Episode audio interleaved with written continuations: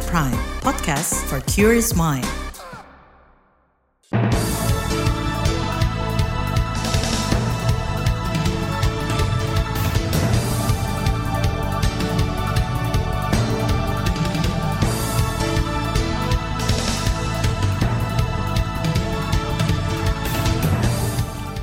Selamat pagi saudara, berjumpa kembali dalam program Buletin Pagi edisi Selasa 21 Februari 2023.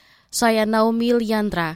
Sejumlah informasi pilihan telah kami siapkan di antaranya, kedaluarsa Perpu Cipta Kerja didesak segera dicabut. 10 kasus kekerasan seksual terhadap anak terjadi di awal tahun. Evakuasi Kapolda Jambi dan rombongan terkendala cuaca.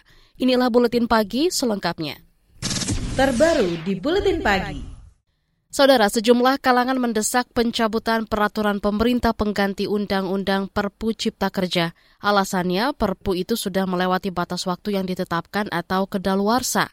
Berdasarkan pasal 22 Undang-Undang Dasar 1945, Perpu harus mendapat persetujuan DPR dalam persidangan yang berikut. Bila tidak terpenuhi, maka konsekuensi belait harus dicabut. Berikut keterangan Direktur Advokasi dan Jaringan Pusat Studi Hukum dan Kebijakan atau PSHK, Fajri Nur Syamsi. Kami dari PSHK secara tegas menyatakan bahwa e, Perpu Cipta Kerja itu harus dicabut, bukan lagi sebagai sebuah interpretasi dari sebuah peraturan, tapi itu sudah perintah dari konstitusi, kira-kira seperti itu. Direktur PSHK Fajri Nur Syamsi menambahkan Perpu tidak mendapat persetujuan DPR di sidang paripurna dalam masa persidangan tiga kemarin. Hal itu kata dia memberi ketidakpastian hukum. Desakan pencabutan Perpu Cipta Kerja juga disuarakan pakar hukum tata negara dari Universitas Andalas, Ferry Amsari. Perpu mestinya dinyatakan tidak berlaku karena tenggang waktu pengesahannya sudah melewati ketentuan yang ditetapkan undang-undang. Menurutnya Perpu Cipker cacat prosedural jika tetap disahkan DPR pada sidang paripurna Maret nanti.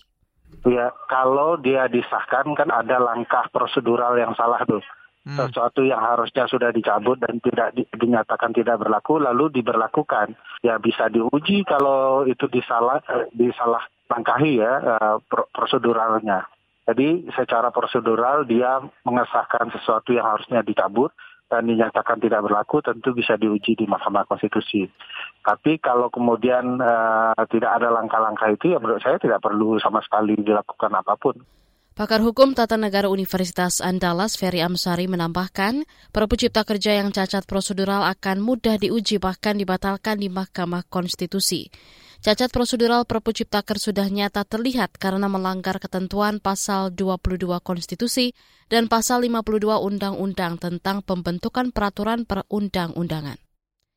Partai oposisi di parlemen turut mendukung pencabutan Perpu Cipta Kerja. Anggota Badan Legislasi DPR dari fraksi PKS Amin Aka mengatakan pemerintah mestinya patuh pada perintah konstitusi. Jadi masalahnya kan uh, Undang-Undang Dasar kita mengatakan bahwa ini harus diselesaikan di masa sidang berikutnya. Itu tidak cukup disahkan di badan legislasi, tapi harus disahkan oleh institusi DPR bersama pemerintah bareng-bareng gitu loh yang itu adalah tempatnya di paripurna, bukan di badan legislasi. Kan ada istilahnya pembicaraan tingkat satu, ada pengambilan keputusan tingkat dua gitu. Harus harus final. Jadi menjadi keputusan DPR RI bersama pemerintah. Anggota Balik DPR Amin Aka mengaku terkejut Perpu Cipta Kerja tak masuk dalam agenda sidang paripurna Februari lalu. Kata dia Perpu belum final jika tidak disahkan di rapat paripurna meski sudah disetujui mayoritas fraksi. Sementara itu di tengah desakan pencabutan Perpu Cipta Kerja, Presiden Joko Widodo justru menegaskan balai tersebut bakal segera disahkan menjadi undang-undang dalam waktu dekat. Undang-undang Cipta Kerja diyakininya akan meningkatkan ekosistem dunia usaha. Yang paling penting bagaimana membangun ekosistem usaha kita ini agar semakin baik. Undang-undang Cipta Kerja juga sebentar lagi sudah bisa kita selesaikan yang semuanya menyederhanakan memberikan peluang kepada kita semuanya untuk bisa menciptakan lapangan kerja yang sebanyak-banyaknya. Sebelumnya Menko Polhukam Mahfud MD menanggapi santai soal desakan pencabutan Perpu Cipta Kerja karena alasan kedaluarsa. Mahfud yang juga bekas Ketua Mahkamah Konstitusi enggan mengomentari lebih jauh tentang desakan tersebut. Sepuluh kasus kekerasan seksual terhadap anak terjadi di awal tahun. Informasinya hadir sesaat lagi. Tetaplah di Buletin Pagi KBR. You're listening to KBR Pride, podcast for curious mind. Enjoy!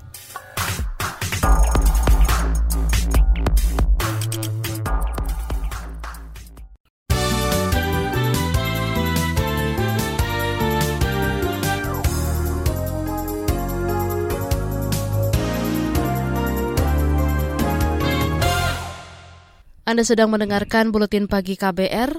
Presiden Joko Widodo mengatakan Indonesia kini menjadi trendsetter karena sudah lebih dulu mendorong belanja produk dalam negeri dibandingkan Amerika Serikat. Tahun lalu total belanja produk dalam negeri mencapai 762 triliun rupiah dari APBN, APBD, dan belanja BUMN. Amerika juga telah baru saja memberlakukan di bulan Januari 2023 yang lalu untuk penggunaan produk dalam negeri. Dan kita sudah satu tahun di depan sudah melakukan. Sehingga kita ini sekarang menjadi trendsetter, bukan menjadi follower. Presiden Jokowi menambahkan investasi kini sudah tidak lagi berfokus ke Pulau Jawa. Kata dia 53 persen investasi berada di luar Jawa dari yang sebelumnya 70 persen berpusat di Pulau Jawa. Jokowi juga mendorong pemerataan ekonomi karena produk domestik bruto yang disumbang Pulau Jawa sudah terlalu besar atau 58 persen dari total PDB nasional. Kita ke soal lain. 10 kasus kekerasan seksual terhadap anak terjadi di satuan pendidikan pada awal 2023. Kejadian itu berlangsung rentang Januari hingga 18 Februari. Menurut Dewan Pakar Federasi Serikat Guru Indonesia atau FSGI, Retno Listiarti, data tersebut dikumpulkan FSGI berdasarkan pemberitaan media. Kami mencoba untuk menganalisis lebih cepat gitu ya untuk data yang uh, 10 di awal tahun ini karena ini uh, mengejutkan dan harus segera ada uh, tindakan gitu ya dari berbagai pihak uh, mencegah gitu ini angka ini tentu terus ber tambah. Dari 10 kasus itu, 9 kasus tercatat sudah dilaporkan ke kepolisian dan saat ini dalam proses hukum. Total ada 86 korban yang didominasi anak perempuan. Sementara satu kasus di sekolah dasar di Gunung Kidul, Yogyakarta dinyatakan selesai. Terduga pelaku yang merupakan guru dipindahkan kelasnya dan mendapat pengurangan jam mengajar. Masih soal kekerasan, Pusat Studi Strategis dan Internasional CSIS mencatat insiden kekerasan kolektif di Indonesia sepanjang tahun lalu turun 8 persen menjadi 1.100-an kasus. Namun jumlah korban justru meningkat lebih dari 50 persen, yakni 2.100-an korban luka dan korban jiwa. Sebanyak 718 di antaranya merupakan korban tragedi Kanjuruhan di Malang, Jawa Timur. Berikut keterangan peneliti Departemen Politik dan Perubahan Sosial CSIS, Alif Satria lonjakan insiden ini terjadi uh, pada bulan November itu terjadi paling besar di dua provinsi. Pertama ada provinsi Sulawesi Selatan, gitu ya. Di mana di Sulawesi Selatan pada bulan November itu mengalami 2,5 kali rata-rata bulanan uh, insiden jumlah insiden kekerasan kolektif di uh, provinsi tersebut, gitu. Dan ini kebanyakan terjadi karena uh, terjadinya kekerasan antar pelajar dan kekerasan main hakim sendiri di Kota Makassar. Provinsi kedua yang berkontribusi pada lonjakan insiden kekerasan kolektif pada bulan November adalah provinsi Papua Peneliti CSIS Alif Satria menambahkan jika dilihat dari frekuensi insiden kolektifnya, kasus paling tinggi terjadi di Jawa Timur, Maluku, Papua, dan Papua Barat. Kita beralih ke informasi ekonomi. Pemerintah optimistis target kemiskinan ekstrim 0% tercapai pada 2024. Menurut Menteri Keuangan Sri Mulyani, penurunan kemiskinan ekstrim bakal dimaksimalkan dalam dua tahun terakhir kepemimpinan pemerintahan Jokowi Maruf berbagai program-program prioritas akan dilakukan fokus di dalam pelaksanaannya. Satu, penurunan kemiskinan ekstrim eh, mencapai 0% akan diupayakan pada tahun 2024. Dan ini berarti keseluruhan total kemiskinan akan menurun dan juga dari kebutuhan untuk pendanaannya akan dilakukan prioritas untuk uh, tahun ini dan tahun depan. Itu tadi Menteri Keuangan Sri Mulyani. Sebelumnya, Kepala Badan Pusat Statistik Margo Yuwono menilai sulit untuk mencapai target kemiskinan ekstrim 0% pada 2024. sebab tren kemiskinan ekstrim pada 2022 masih di angka 2,04 persen. Kita ke informasi mancanegara. Mesir mengirim kapal bantuan kemanusiaan untuk korban gempa di Suriah. Kapal dari Angkatan Laut Mesir itu membawa 500 ton bahan bantuan. Kantor berita Suriah Sana melaporkan bantuan diserahkan kepada bulan sabit merah Arab Suriah untuk didistribusikan ke berbagai wilayah terdampak gempa yang terjadi 6 Februari lalu. Lebih dari 16 negara Arab telah mengumumkan pembangunan jembatan udara untuk memberikan bantuan kemanusiaan darurat bagi para korban. Lebih dari 41 ribu orang tewas dalam dua gempa kuat yang mengguncang Turki Selatan. Sedangkan di Suriah, korban tewas mencapai lebih dari 5.800 orang. Saudara jenazah WNI korban gempa Turki Niwayan Supini diperkirakan akan tiba di rumahnya di Dusun Tegal Besar, Desa Negari, Kelungkung, Bali pada Kamis besok. Pihak keluarga sudah mendapat konfirmasi dari KBRI terkait pemulangan jenazah Niwayan Supini yang selama ini bekerja sebagai terapis di kota Diyarbakir, Turki. Beralih ke informasi olahraga, Ketua Umum PSSI Erick Thohir menegaskan tidak akan main-main dengan mafia sepak bola. Ancaman hukuman seumur hidup menanti pelakunya. Tak hanya dilarang di Indonesia, para pelaku juga dipastikan tidak akan bisa beraktivitas di sepak bola dunia, sebab sanksi sudah mendapat persetujuan FIFA. Penegasan itu menurut Erik sebagai bagian dari membangun sepak bola Indonesia yang bersih dan juga berprestasi. Saudara Menteri Pariwisata dan Ekonomi Kreatif Sandiaga Uno menyebutkan persiapan kejuaraan dunia balap perahu motor F1 Powerboat di Danau Toba, Sumatera Utara sudah hampir final. Kejuaraan ini bakal digelar 25 dan 26 Februari mendatang. Sebanyak 20 pebalap dari 10 tim yang berasal dari enam negara akan bertanding. Sementara itu Kementerian PUPR menyebutkan pembangunan fisik arena tinggal menyisakan pekerjaan pembersihan area.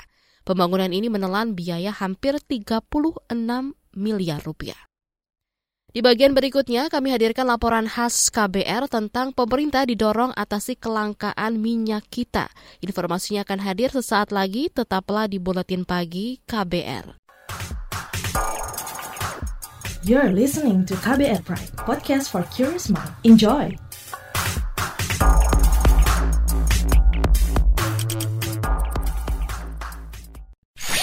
Commercial break. Commercial break. Anda sering gelisah, tidak bisa tidur nyenyak, selalu merasa ada yang merasuki pikiran Anda.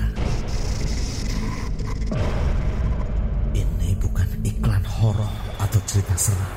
Tapi kalau Anda mengalami hal seperti itu, Anda pasti ketinggalan berita terupdate yang lagi ramai diperbincangkan. Gak mau kan dibilang ketinggalan berita?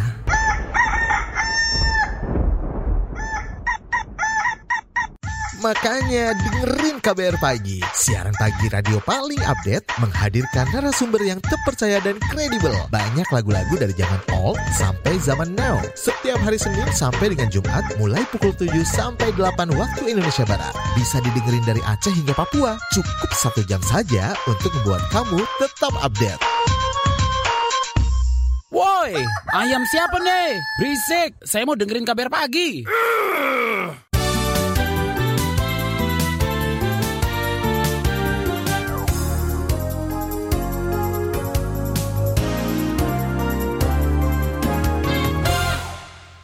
Anda masih bersama kami di Buletin Pagi KBR. Kelangkaan minyak goreng bersubsidi merek minyak kita masih terjadi di berbagai daerah. Jika ada, harganya mahal. Di sisi lain, pemerintah menemukan praktik kecurangan perdagangan minyak kita, mulai dari penimbunan hingga persaingan usaha tidak sehat. Bagaimana mengatasinya? Berikut laporan khas KBR yang disusun Astri Septiani. Para pengusaha warung makan warung Tegal atau warteg selama beberapa pekan ini mengeluh kesulitan membeli minyak goreng subsidi pemerintah merek minyak kita. Mereka terpaksa membeli minyak goreng non-subsidi yang harganya lebih mahal. Ketua Komunitas Warteg Nusantara Mukroni mengatakan, kini harga minyak goreng curah subsidi mencapai Rp18.000 per kilogram. Belum lagi stok barang langka. Teman-teman biasanya kan belinya kan juga nggak banyak, paling satu liter, dua liter. Tapi ya memang kondisinya juga istilahnya jarang di ini di toko-toko kelontong dan teman-teman toko kelontong juga e, mengeluh juga. Nggak biasanya kan mereka manjang sekitar e, satu karton itu kan atau dua karton. Nah, sekarang mereka nggak ma majang lagi. Jadi kami tahu bahwa memang kondisi minyak e, kita lagi langka di toko kelontong maupun di pasar Pemerintah mengakui ada kelangkaan dan lonjakan harga minyak goreng subsidi minyak kita di berbagai daerah. Untuk mengatasi hal itu, sejak awal Februari lalu, Kementerian Perdagangan menambah pasokan ke pasar. Menteri Perdagangan Zulkifli Hasan mengatakan penambahan pasokan minyak goreng subsidi ini difokuskan untuk pasar tradisional. Pemerintah juga membatasi pembelian minyak kita dan melarang penjualan minyak subsidi ini dijual melalui toko online atau pasar retail modern. Memang minyak goreng itu karena kualitasnya bagus, packingnya bagus, harganya juga paling bagus. Jadi yang premium turun, ya. Dan digemari orang dijual secara online. Ya tentu kalau semua pindah ke minyak kita kurang barangnya. Nah oleh karena itu pertama kita tambah jadi 300 ribu ton per bulan sekarang jadi 450 ribu ton. Tingginya minat masyarakat pada minyak goreng subsidi minyak kita memancing praktik perdagangan tidak sehat. Satgas Pangan Polri bersama Kementerian Perdagangan menemukan penimbunan minyak kita sebanyak 500 ton. Kepala Satgas Pangan Polri, Wisnu Hermawan mengatakan temuan itu didapat saat pengecekan di PT Bina Karya Prima selaku salah satu produsen minyak tersebut. Eh, dari hasil investigasi di sana ditemukan bahwa ada kurang lebih 500 stok minyak goreng yang belum didistribusi. 500 ton.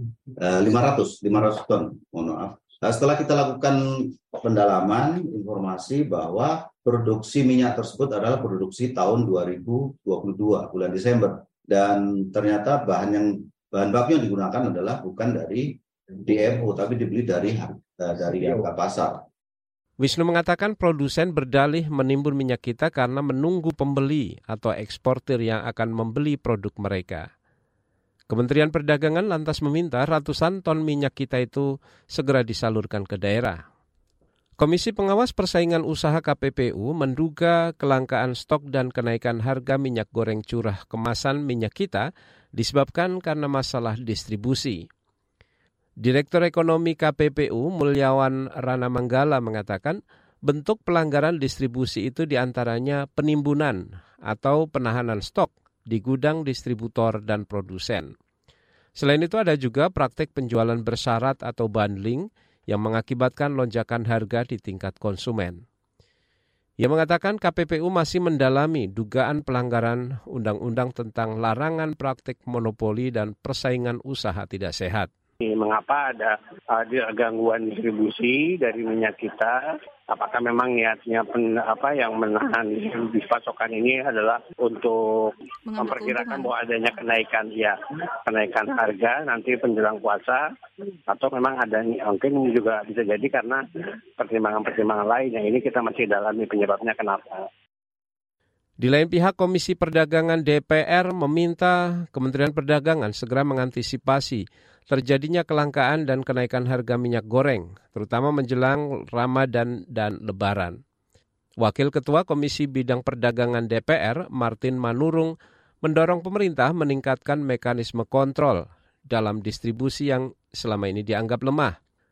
Martin mengatakan lemahnya pengawasan menyebabkan harga penjualan minyak goreng kerap tidak sesuai penetapan harga eceran tertinggi atau HET.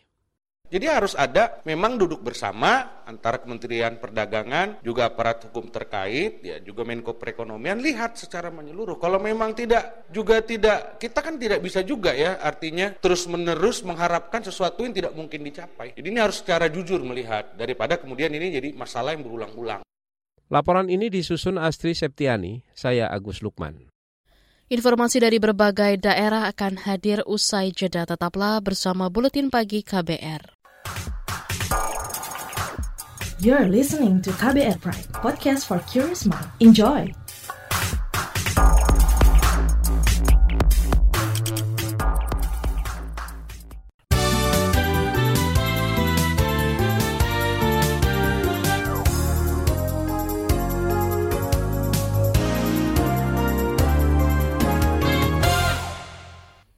Inilah bagian akhir buletin KBR.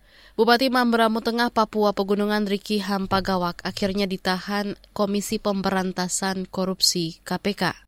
Riki adalah tersangka kasus dugaan suap proyek infrastruktur di Mamberamo Tengah. Politikus Partai Demokrat ini juga diduga menerima gratifikasi dan melakukan tindak pidana pencucian uang. Berikut keterangan Ketua KPK Firly Bahuri kemarin terkait dengan penahanan tersangka RHP yang ditahan selama 20 hari sampai nanti 11 Maret 2023 di rutan KPK eh, pada Gedung Merah Putih KPK. Dan tadi juga sudah dijelaskan bahwa nilai dugaan uang sebagai suap dan gratifikasi serta tindak pidana pencucian uang sejauh ini sekitar 200 miliar rupiah dan ini tentu akan terus dikembangkan lebih lanjut oleh tim penyidik KPK. Bupati Mamberamo Tengah Riki Hampagawak sebelumnya buron sejak Juli 2022.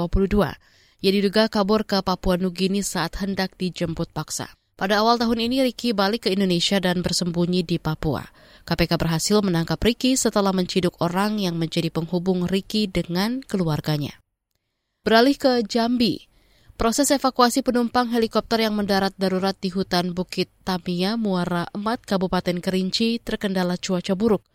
Helikopter yang mengangkut Kapolda Jambi, Rusdi Hartono dan jajarannya itu mendarat darurat hari Minggu lalu. Juri bicara Polri, Dedi Prasetyo menjelaskan para korban sudah mendapat perawatan medis di lokasi. Yang menjadi kendala utama proses evakuasi ini adalah cuaca. Karena cuaca ketika sudah angin, kemudian e, berkabut, bahkan ada petir, maka proses evakuasi dihentikan. Sampai sore hari ini memang proses evakuasi khususnya melalui jalur udara kita hentikan. Karena sangat tergantung pada situasi cuaca. Juri bicara Polri Dedi Prasetyo mengatakan evakuasi akan dilanjutkan jika cuaca mendukung. Proses evakuasi maksimal dilakukan pukul 8 malam. Kita ke Jawa Timur. Tim Laboratorium Forensik Polda Jawa Timur melakukan olah TKP lokasi keledakan di Blitar. Titik ledakan menyisakan lubang sedalam 30 cm dengan diameter 2 meter. Kapolres Kota Blitar Argo Wiono mengatakan pusat ledakan ada di bagian belakang rumah Darman di Dusun Sadeng, Kecamatan Ponggok, Blitar. Polisi menemukan tiga panci yang diduga tempat menyimpan bahan peledak. Berdasarkan informasi dari tim Jibom, itu pusat ledakan berada di belakang kemungkinan itu dapur ini makanya sedang didetailkan oleh tim lapor posisi-posisi ruangannya seperti apa kemudian dari daya ledaknya itu tadi ditemukan ada tiga panci tapi sudah apa uh, hancur semua ya tapi tadi teridentifikasi panci kemungkinan di situ tempat menyimpan itu tadi bubuknya itu tadi black powder itu Kapolres Argo Wiono menambahkan tim Lab 4 juga menemukan sisa bahan peledak berupa bubuk hitam dan sulfur. Sebelumnya tiga kali ledakan terjadi pada hari Minggu malam lalu. Akibatnya empat tewas, 23 luka, dan 25 rumah rusak. Sejumlah warga menuturkan di rumah yang jadi pusat ledakan itu memang kerap membuat petasan setiap jelang Ramadan. Pemerintah Kabupaten Blitar berjanji akan membantu proses perbaikan 25 rumah warga yang rusak akibat ledakan. Informasi tadi menutup jumpa kita di Buletin Pagi hari ini. Pantau informasi terbaru melalui kabar baru, situs kbr.id, Twitter at berita KBR, podcast di kbrprime.id. Saya Naomi Liandra bersama tim yang bertugas undur diri. Salam.